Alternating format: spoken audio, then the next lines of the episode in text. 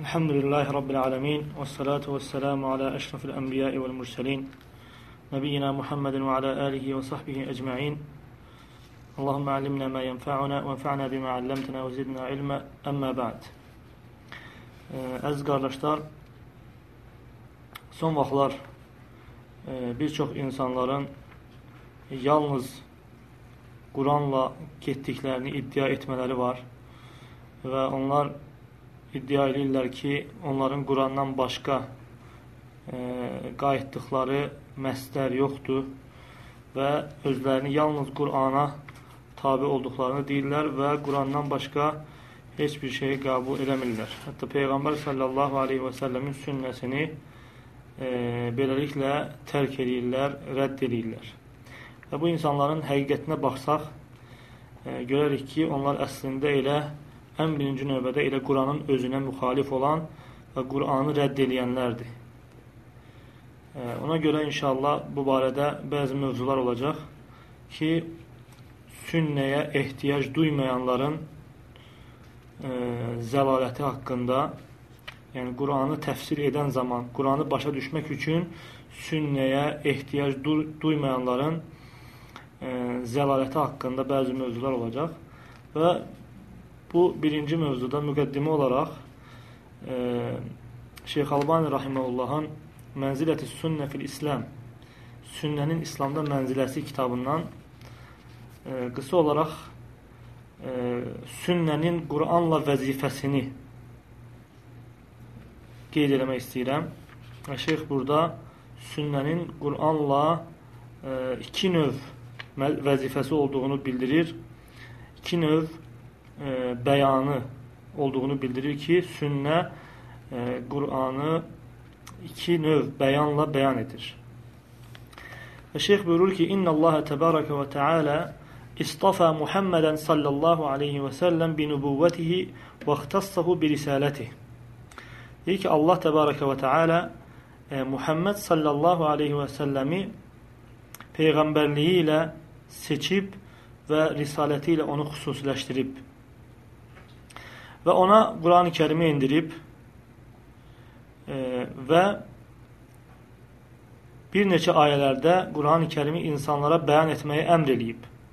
Və bu ayələrdən birisi də Nəhl surəsində keçən ayədir. Nəhl surəsi 44-cü ayə. Allah təala buyurur ki: "Və enzelna ileykez-zikra litubeyyine lin-nasi ma nuzila ileyhim." E, deyir ki, biz sənə zikri nazil etdik ki, onlara nazil olanı bəyan edəsən deyə. Yəni Quranı onlara bəyan edəsən deyə sənə zikir nazil etdik. Burada zikir deyəndə həm Quran ə, və həmçinin də Peyğəmbər sallallahu aleyhi və səlləmin sünnəsi qəsd olunur. Və Şeyx Albani Rahimullah deyir ki, bu ayədə keçən bəyan, hansı ki Peyğəmbər sallallahu aleyhi və səlləm Quranı bəyan etməsi üçün ona zikir nazil olmuşdu. Deyir ki, burada bəyanın iki növü var. Hansı ki, Peyğəmbər sallallahu aleyhi və səlləm o iki növlə də artıq insanlara bəyan edib. Birinci növ Quranın ləfzinin, Quranın sözlərinin, kəlmələrinin insanlara çatmasıdır.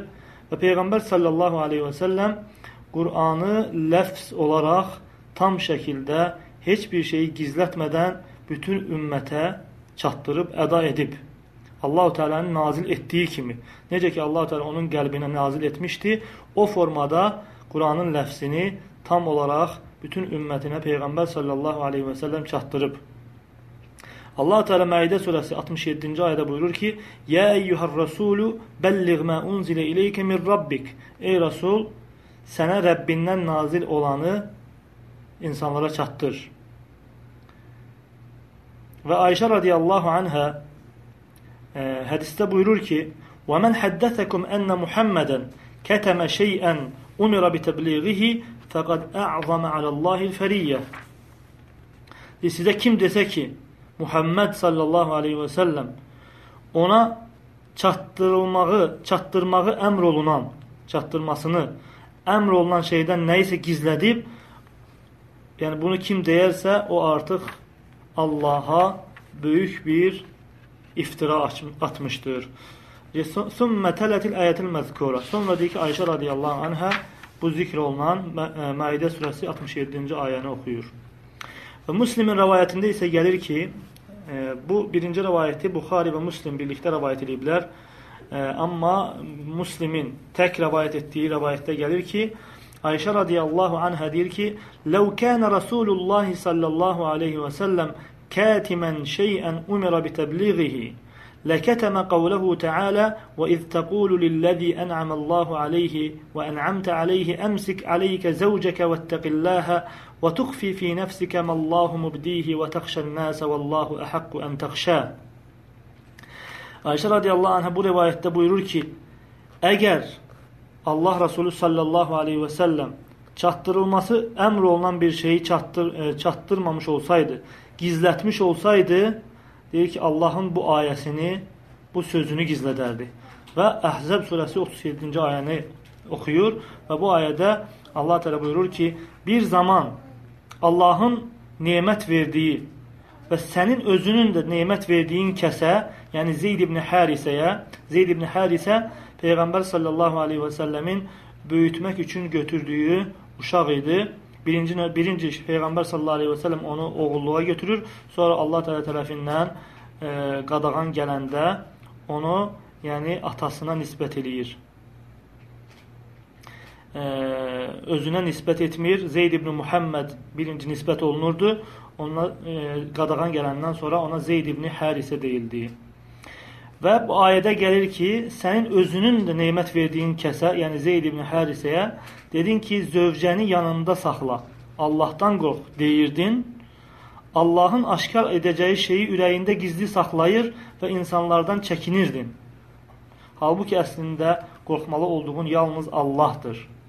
Yəni bu hədisin təfsirində alimlər qeyd edir ki, Peyğəmbər sallallahu aleyhi və səlləm e, Zeyd ibn Harisənin evləndiyi Zeynəb binti Cəhşlə ürəyində onunla evlənmək keçir ki, əgər nə vaxtsa Zeyd ibn Harisə onu boşasa, onunla evlənməsi ə, e, və onu ürəyində gizlədir.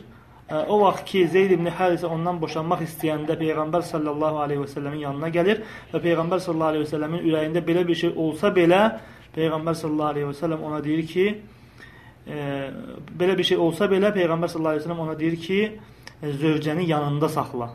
Allahdan qorx Sonra Allah Teala ona deyir ki, Allahın aşkar edəcəyi şeyi ürəyində gizli saxlayır və insanlardan çəkinirdin. Halbuki əslində qorxmalı olduğun yalnız Allahdır. Və Peyğəm Ayşə radiyallahu anhə bu ayəni oxuyur və deyir ki, əgər Peyğəmbər sallallahu aleyhi və səlləm bu Qurandan çatdırması lazım olan, əmr olan şeydən nəyisə gizlətsəydi, deyir ki, bu ayəni gizlədərdi.